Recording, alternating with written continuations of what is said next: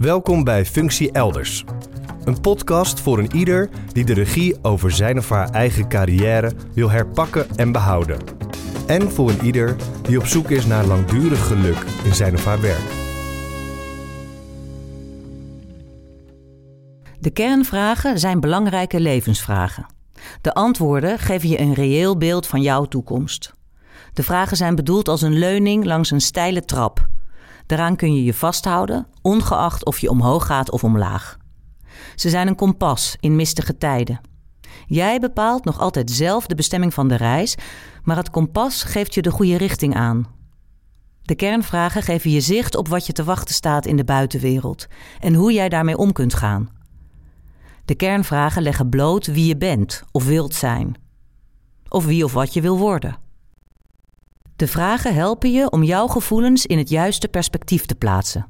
Jouw verwachtingen over jezelf en over de toekomst worden gesynchroniseerd met je competenties en eigenschappen. Door beantwoording van de kernvragen krijg je een eerlijk inzicht in het maximum van wat er nog in zit bij je. De kernvragen zijn universeel. Jeetje. Ja, die kernvragen. Hoe ben je er eigenlijk op gekomen? Dat waren eigenlijk vragen die ik in al die gesprekken die ik gevoerd heb met mensen uh, naar boven heb gekregen. Aandachtspunten. Dat mensen ergens over begonnen en dat ik dacht van ja, dat is een belangrijk thema. Of dat ik voor mezelf dacht, uh, al, al wandelende en denkende, van waar zou je mensen nou heel graag over willen laten nadenken? Wat zijn nou essentiële uh, vraagstukken als je, op zo'n, als je het gevoel hebt dat je op zo'n kruispunt staat. Ja. En overigens zeggen sommige mensen, ik sta nu op een kruispunt, ik sta op een rotonde, want ik, ik blijf maar rondjes draaien. Dus, maar het gaat om die handvatten. Ja. En, en toen dacht ik van ja, dat zijn toch een aantal, zijn toch een aantal vragen. Ja. En dat zijn deze vragen geworden. De rotonde heeft ook meer afslagen natuurlijk Ja. dan een kruispunt. Ja. Eh, het is nog ingewikkelder, al die keuzes. Ehm 14 kernvragen zijn er, Ja. Eh, maar je hebt ze onderverdeeld in drie groepen. Ja, ze zijn grosso modo in drie groepen om te verdelen. Er is één groep vragen en die gaat eigenlijk altijd over geld. Eh, en dan zeggen mensen van ja, eh, heb ik genoeg geld? En, en de tweede vraag die ze hebben is van als ik iets anders ga doen dan wat ik nu doe, kan ik dan genoeg geld verdienen? Heb ik voldoende marktwaarde om mezelf in leven te houden? Ja, dus dat, dat, dat, dat is een set van vragen waar je met mensen over kan praten. Of waar mensen zelf eh, wat, wat, ja, wat rekensommetjes moeten doen. Of wat huiswerk eh, moeten doen. En een, een, tweede groep van vragen eh, concentreert zich eigenlijk helemaal rondom de, ja, de persoonlijke eigenschappen. De persoonlijke kenmerken van ieder mens. En ieder mens is natuurlijk verschillend. Dus nogmaals, er zijn geen goede en slechte antwoorden op die vragen. Maar het is wel goed om zelfinzicht te hebben. En dat zelfinzicht nog te verbeteren op het moment dat je dit belangrijke beslissingen gaat nemen. Ik noem een voorbeeld. Eh, een van die kernvragen in die groep is van hoeveel eigen kracht heb je? Ben je, ben je een zelfstarter of, of ben je iemand die eigenlijk anderen nodig heeft om op gang te komen? Vind je dat prettig als anderen dat voor je, voor je doen? Of trek je zelf graag aan het touw? Eh, er is ook zo'n vraag die eigenlijk stelt van over hoeveel energie beschik je? Eh, dat is ook zo'n ook zo'n heel belangrijke eigenschap. Ehm, maar ook bijvoorbeeld van hoe makkelijk ben jij als mens van vertrouwen? Hoe makkelijk vertrouw je andere mensen en, en hoe vind je jezelf ook makkelijk te vertrouwen? En dat zijn van die vragen waarvan je zegt van ja, dat is goed om, om, om daar over jezelf in de spiegel te kijken. Het is heel goed om, om zo'n vraag eh, beter te pakken inderdaad, denk ik. eh, zoals jij het omschrijft. Eh, moet je daar dan ook anderen bij inschakelen? Want ik denk dat ik bij sommigen eh, niet eens weet... eh, in hoeverre ik mensen vertrouw. Eh, ten opzichte van jou bijvoorbeeld. Dus ik weet niet of ik dan hoog score of laag score. Dus dan zou ik ook iemand kunnen bellen bijvoorbeeld. Van hoe Ja, zie- dat- hoe dat- kijk jij tegen me aan? Of, Ja, maar je kan ook heel goed eh, over voorbeelden in je leven nadenken. Eh, dat je zegt van ja, dat is toch wel een moment geweest dat ik iemand vertrouwd heb. Dat ik met hem in zee ben gegaan. Of oh ja, of misschien een keer naïef geweest bijvoorbeeld. ja, Ja. dus ik heb al eens een heel simpel voorbeeld. Je zit in je eentje op een terras en je hebt je, je, hebt je spullen bij je. eh, en je moet naar de wc. Eh, Ja. Wie in je omgeving zoek je uit om te zeggen van... meneer, mevrouw, zou u even op mijn spullen willen letten? Eh, want ik moet heel even naar de, Ja. naar, naar, naar de wc. En de omgekeerde vraag is natuurlijk... wie denk je dat jou uitkiest om dat te doen? ja. Dat, dat is een vorm van vertrouwen. ja. Maar een hele belangrijke... Dat is een mooie vergelijking, ja. Ik zit meteen wel- te denken. Ja, Ik neem altijd mijn spullen mee naar het toilet. ja. Nee, Ja. daar is dus helemaal niets fout mee. Nee, ja. Maar dan vind je het op dat moment dus moeilijk om iemand anders te vertrouwen. Als je dit soort enge wegen opgaat, eh, dan moet je natuurlijk wel weten, eh, vertrouw je met name op jezelf? Of ben je ook in staat om op een ander te vertrouwen? Dat zou je helpen. Als je dat niet doet, wil niet zeggen dat je die, dat, dat pad niet in moet gaan. Maar dan moet je je daarvan bewust zijn eh, dat dit soort vragen af en toe voorbij komen. Eh, en misschien wel een van de allerbelangrijkste over jou als persoon is, en dat woord is al ook in eerdere afleveringen vaak aan de orde geweest, eh, de intrinsieke motivatie. En daarachter zitten eigenlijk je principes. Wie ben jij? Wat wil je zijn? Wat wil je doen? Ja, en, en, en, dat, is een, dat is een hele kernachtige. En daar heb je eigenlijk geen andere voor nodig. Want daar kan je heel goed voor jezelf over nadenken. Het is vaak een, een lijstje wat ik meegeef aan mensen. Denk- daar eens over na. Geef, je cijfer, geef jezelf een cijfer op het, op, op, het snijvlak van de energiebalans. Hoe energiek ben je? Geef jezelf eens een cijfer op het gebied van eh, eigen kracht, eh, zelftrekkend vermogen. Eh, ben je een zelfstarter? En geef jezelf eens een duidelijk beeld van wat zijn nou de, de kernprincipes waar je volgens welke je wil, je, je wil leven. En ehm, als je je eigen principes kent, ja, dan wordt het makkelijk. Want dan denk je, ja jongens, ik hou me gewoon aan die principes. Dat zijn gewoon mijn leidraden. Dat zijn mijn, dat zijn mijn handvaten. Ja, en, eh, en tenslotte, is ook eentje uit deze categorie. Eh, dat is de categorie, eh, hoe positief ben je? Kijk, ik noem mezelf chronisch positief. En, dat, en dat ben ik omdat ik mezelf daartoe gedwongen heb. Omdat ik geleerd heb dat als je alles positief draait en als je altijd alles positief ziet, dat je er meer energie uit krijgt dan wanneer je dat niet doet. Maar er zijn mensen die vinden dat heel erg irritant en die zeggen: nee, ik wil realistisch zijn en ik wil helemaal niet chronisch eh, positief zijn. Dat wil wel wat zeggen op het moment dat er tegenslagen op hun pad komen. De een die ontkent dat veel eerder. Hè. Ik zou zeggen, een tegenslag is een leerproces. En de ander zegt misschien, nee, een tegenslag is een tegenslag. En dat zie ik echt als een tegenslag. En dat maakt mij minder positief. Ehm, dan is natuurlijk wel weer de grote vraag, blijf je dan in die negativiteit hangen? En hoe snel weet je jezelf weer eh, positief eh, te krijgen? Ja, en daar kan je best wel, dat is mooi van die kernvragen en ook van die eigenschappen, daar kan je jezelf ook op managen. Als je weet van jezelf dat je geneigd bent om dan somber te worden, kan je ook zeggen, nou, ik dwing mezelf om naar de positieve aspecten te kijken van wat me nu overkomt. Ja, als je weet van jezelf dat je minder eigen kracht hebt, dan weet je dus dat je af en toe, als het moeilijk wordt, een ander moet opzoeken. Om je te helpen in die, Ja. eh, in die, in die, eh, in die kracht. Ja, precies. Dus je weet waar je hulp nodig hebt. Bijvoorbeeld of aandacht, eh, Je kent jezelf. aandacht op moet vestigen. Je kent jezelf. Ja, ja. En als jij daar, en ook dat is in deze serie al eerder aan de orde ben- geweest. Als je eerlijk kan zijn over je eigen persoonseigenschappen naar je omgeving, naar je geliefden, naar je vrienden, ja, dan kan je hun daar ook op aanspreken. Dan zeg je, ik heb even een tegenslag nodig, eh, gehad, ik heb jou even nodig. Je moet me even uit de put praten. Ja, en, en ja. dat is dus geen teken van zwakte, maar dat is gewoon een teken van, ik ken mezelf. En ik weet nu hoe ik met mezelf moet, eh, moet, eh, moet omgaan. Hè, ik zit laag in mijn energie. Ik heb iets nodig om weer hoger in die energie te komen. Ja. Ja. We hebben nu twee groepen gehad. Wat is de derde groep? En kun je daarna ook alle drie de groepen nog even opnoemen? Ja, die eerste groep had te maken met geld en met jouw ma- marktwaarde voor als je iets anders gaat doen. Die tweede heeft te maken met jouw persoonseigenschappen. Wie ben je als persoon? Hoeveel zelfinzicht heb je? En die derde, die is ook wezenlijk belangrijk, want die gaat namelijk over jouw relatie met je omgeving. Hoe beïnvloedt jouw omgeving jou en hoe be- beïnvloed jij jouw omgeving? En, en hoe voel jij en hoe beleef jij de interactie met je omgeving?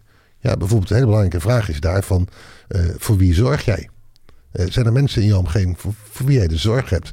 Dat maakt nogal wat uit als je een grote beslissing moet nemen. Want dan, dan, dan neem je ook andere mensen mee eh, in de gevolgen eh, daarvan. En die vraag kan je ook altijd weer omdraaien. Als jij het nodig hebt, wie zorgt er dan voor jou? Ja. Want als jij zegt van nou, ik ga nu deze stap nemen.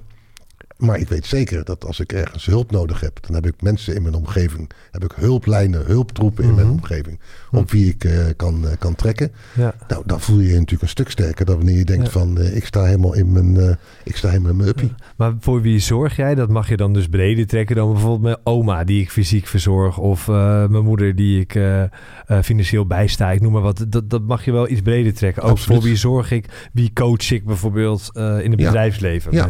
Maar- Ja, Ja. maar als jij heel erg kan rekenen op jouw oma als het moeilijk wordt, dan is het wel een heel fijne zekerheid om Ja. dat voorbeeld maar eens te, Ja. eh, te gebruiken. Ja. Een ander voorbeeld is van, eh, als je mij vraagt, wat mis je nou het meeste van ING? Ik beschrijf het ook in mijn boek en ik zal altijd blijven zeggen, ik mis mijn collega's. Ik ben echt een groepsmens. En ik Hmm. mis gewoon mijn, eh, mijn collega's, want ik had ongelooflijk leuke collega's bij ING. En als ik die tegenkom, tot op de dag van vandaag, is het een prettig weerzien. Ja. Dat betekent dat als ik bij mezelf constateer dat ik een groepsmens ben, dat ik niet in mijn uppie ergens eh, moet gaan zitten werken, maar dat ik altijd moet zorgen dat ik in de omgeving van anderen ben, omdat dat mij blijkbaar gelukkig en ook veel eh, effectiever maakt. Anderen zullen zeggen, nou, doe mij maar een zolderkamertje. Dan kan ik lekker op mijn studie zitten, kan ik lekker op mijn, eh, op mijn artikelen zitten die ik moet schrijven, of op een eh, onderzoek wat ik Ja. moet, eh, moet doen. Ik, ik hou helemaal niet van, van groepen.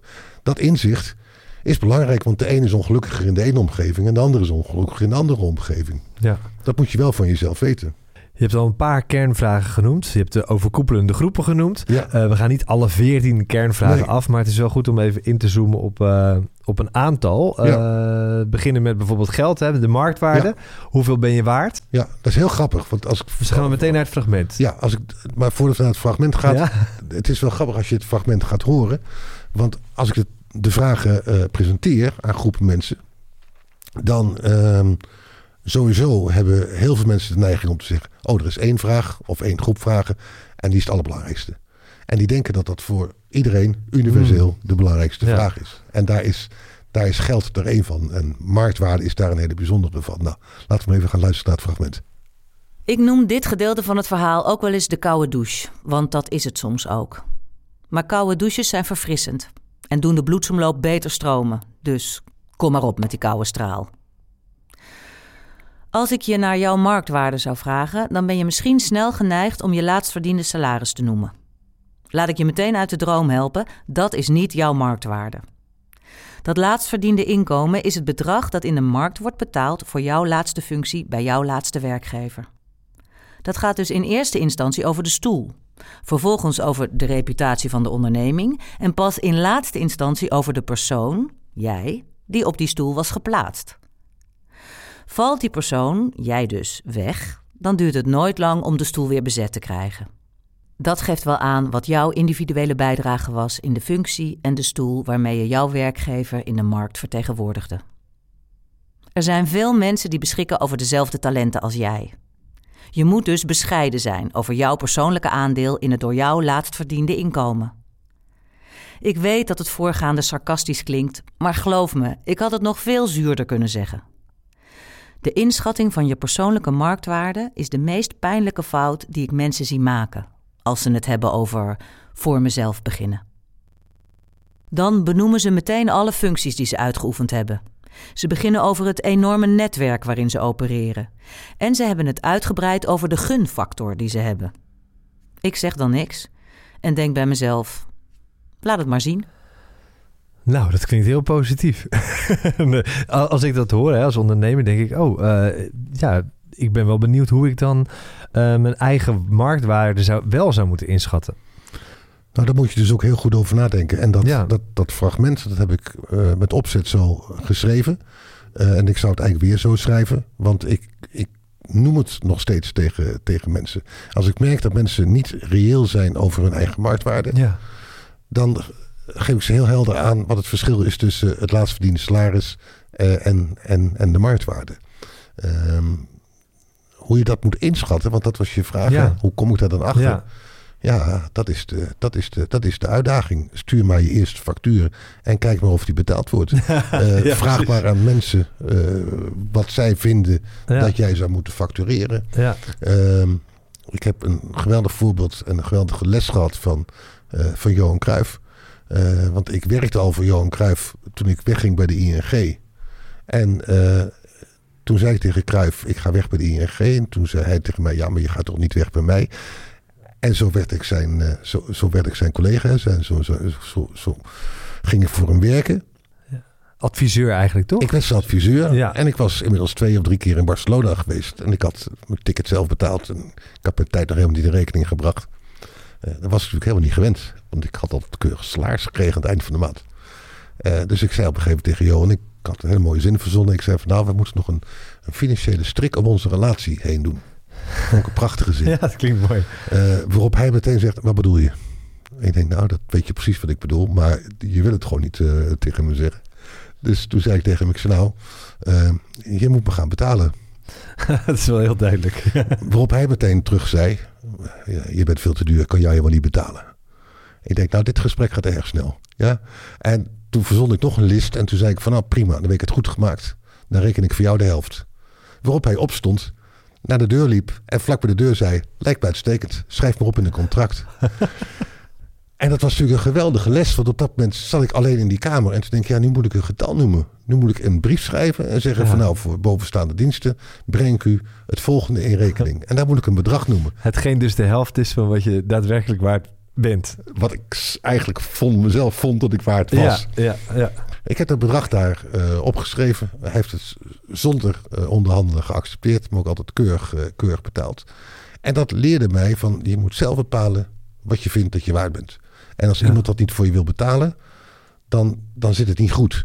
ja. Eh, eh, uitzondering dagen laten. Hè? Want als je zegt van nou, ik doe het de eerste keer voor dat bedrag en de volgende keer voor dat bedrag, dan dat kan natuurlijk wel. Maar je moet zelf een heel helder inzicht hebben van eh, werk ik voor zoveel euro per dagdeel of per, per dag of per uur ja. of wat is mijn tarief?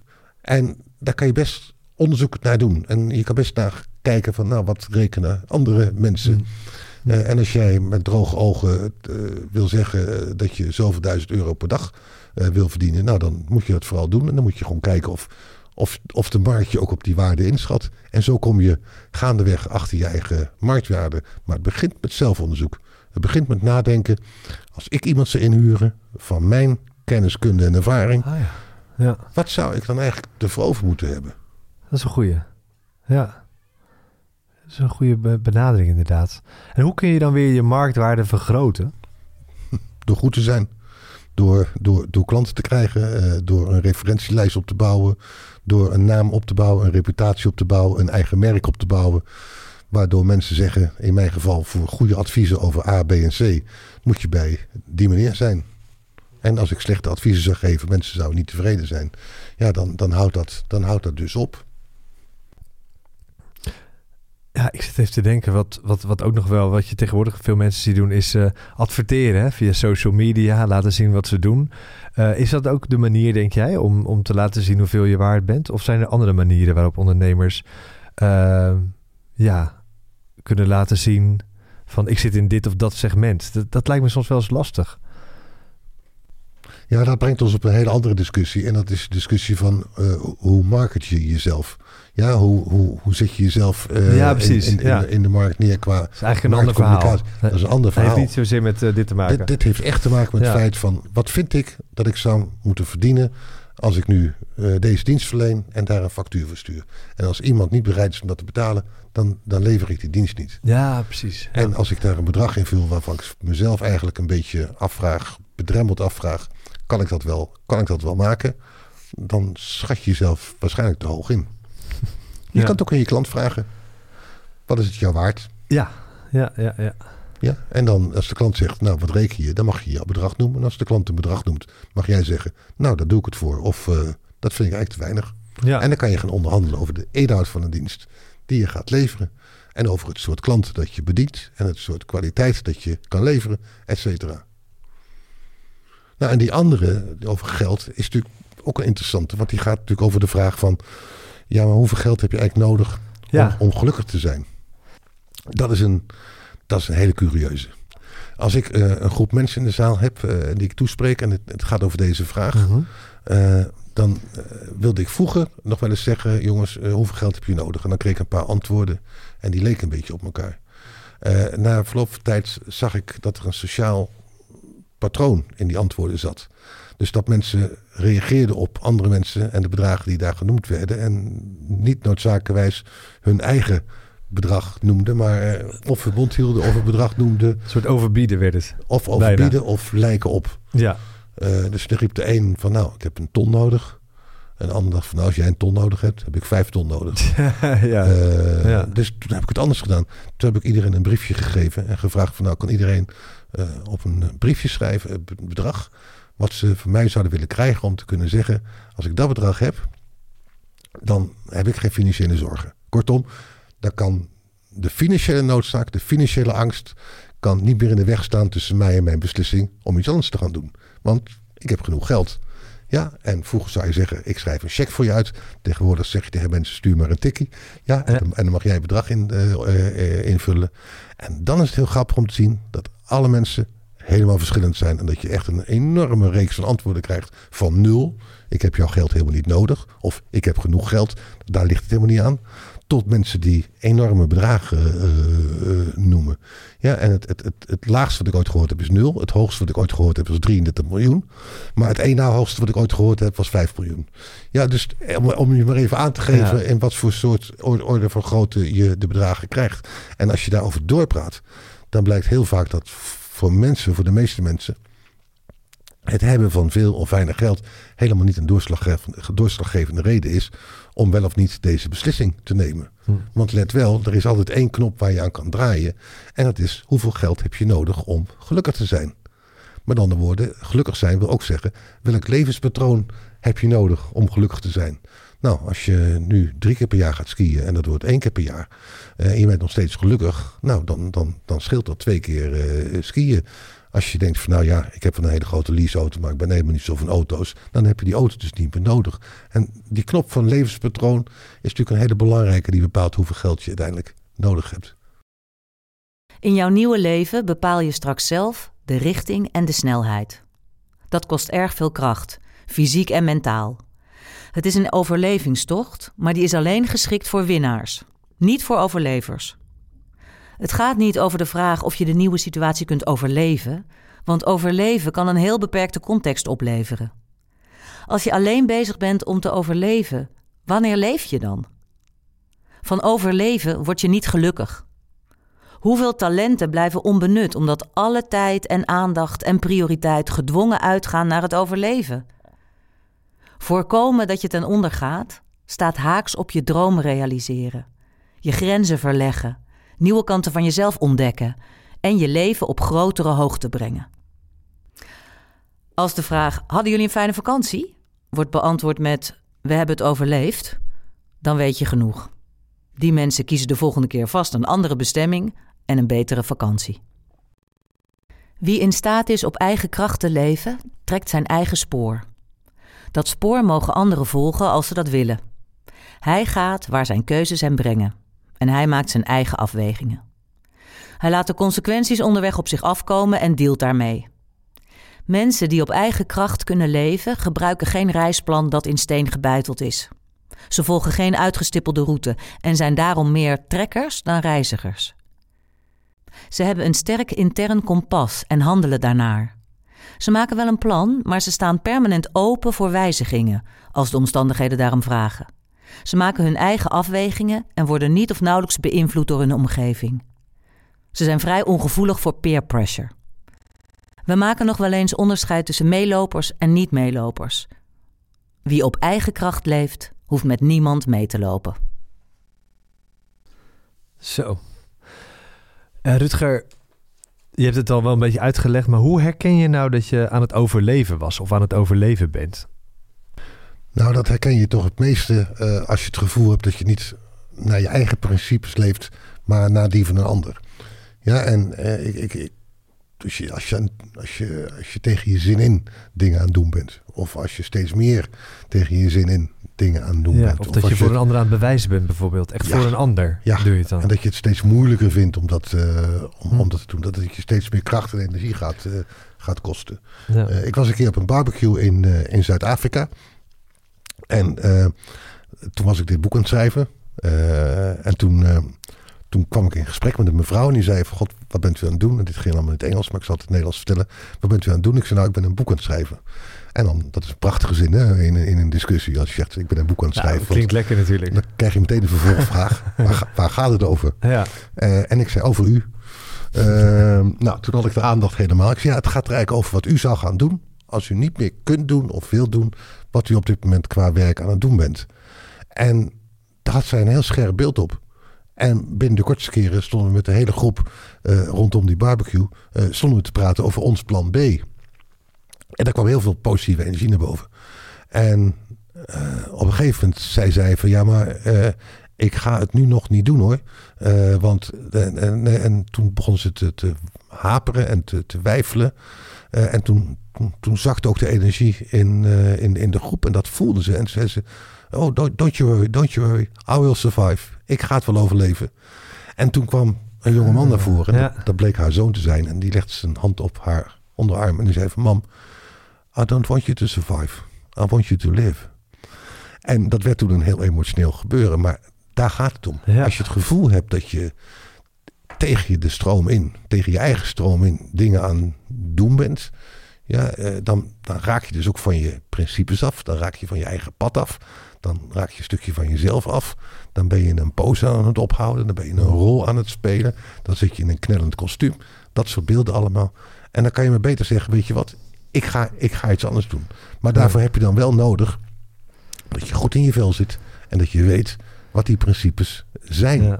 En dat is wat, dat is wat, wat, wat, wat, je, wat, wat mensen kunnen eh, als ze van het overleven afraken. Die weten waarvoor ze er zijn en wat ze willen, en wat ze willen doen. Ik denk dat iedereen er wel bepaalde beelden bij heeft. Ik in ieder geval wel bij mezelf. Dat ik denk, oh ja, die fase van mijn leven. Op dat en dat moment was ik echt aan het overleven. Of Ja. zat ik echt in een... En dat is een eh, heel op- dingen die niet bij me pasten. Nee, en dat is een heel Ja. onprettig gevoel. Want dan, dan, Ja. dan hoor je soms jezelf praten en je, je, je hoort jezelf dingen doen waar je helemaal niet blij mee bent. En daar word je geïrriteerd en, en geprikkeld van. En Ja.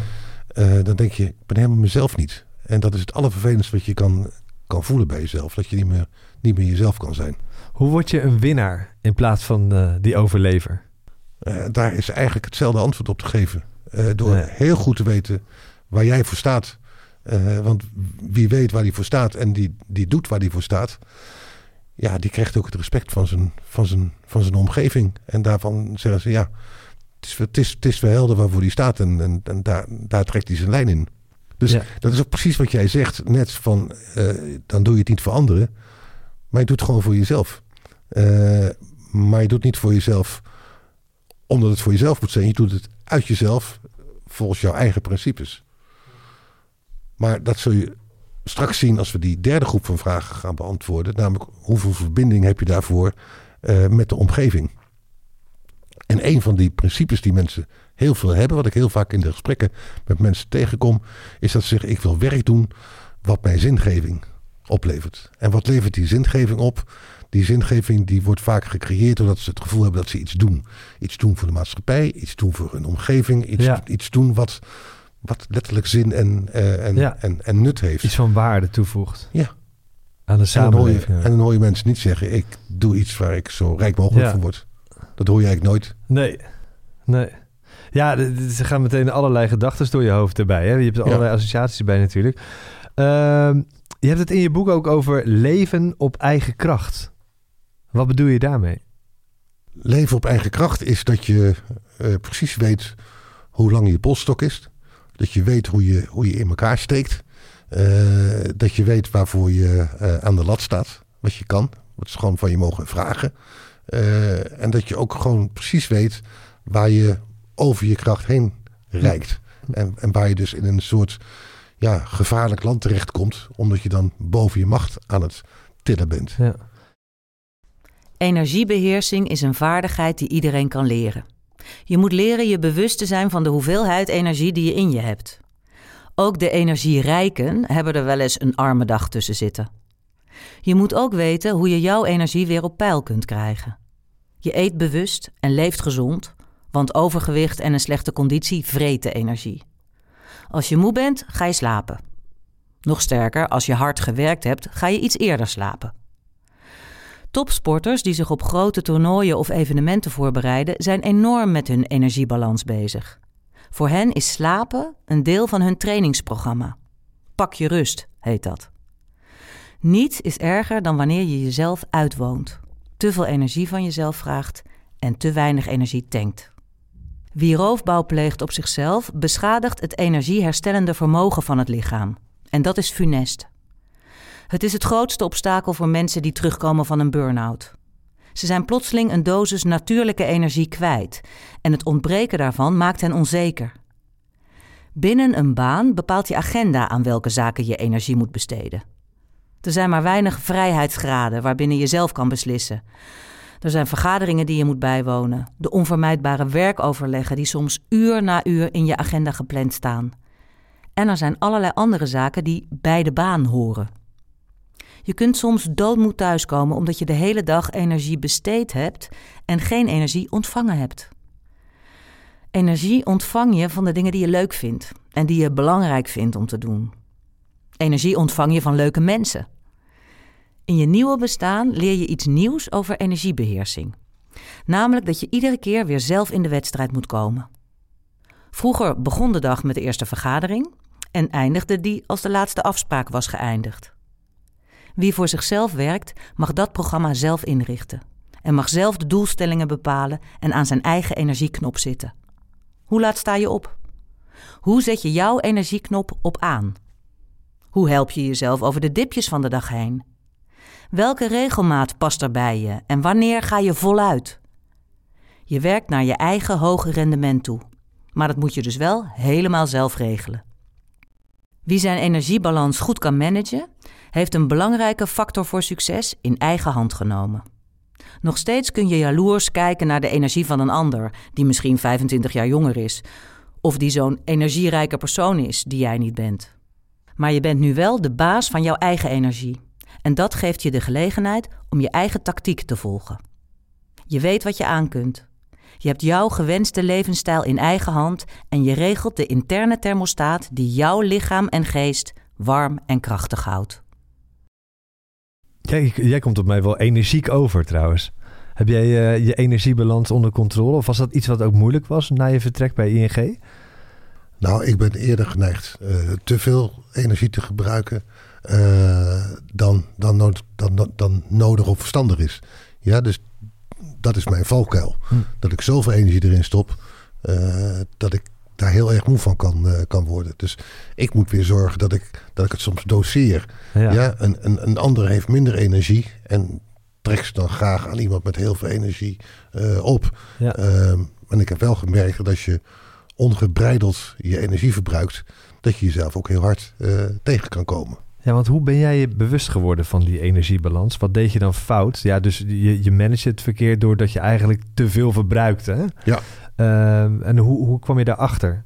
En hoe heb je dat toen aangepakt? Nou, kijk, het punt is, als je ouder wordt, uh, heb, je minder, heb je minder energie op een dag te besteden. Dat is een hele pijnlijke ervaring, mm. maar dat is gewoon zo.